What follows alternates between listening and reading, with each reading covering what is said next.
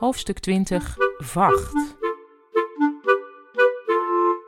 Cavia had slecht geslapen omdat ze zo nodig had moeten dromen over Juliette.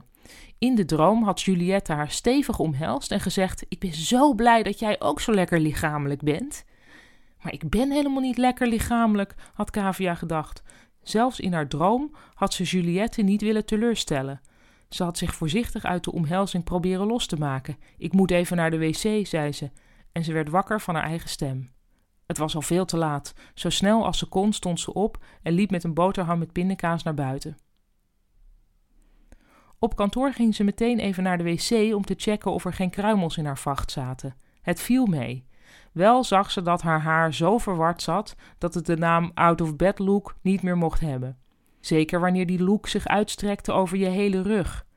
Ze probeerde de vachtverwarring zo symmetrisch te maken dat het een keuze leek. Het was niet altijd makkelijk om een cavia te zijn.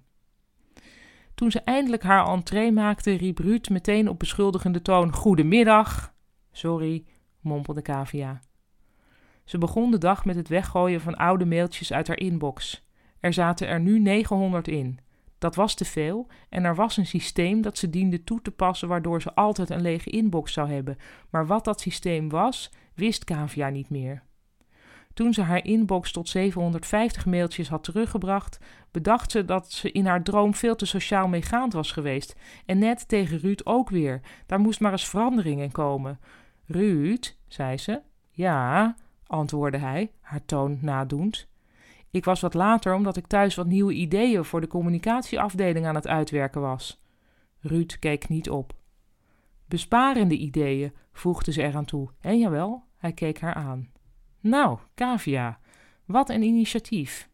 Ik zou zeggen, einde van de dag even over praten? Oei,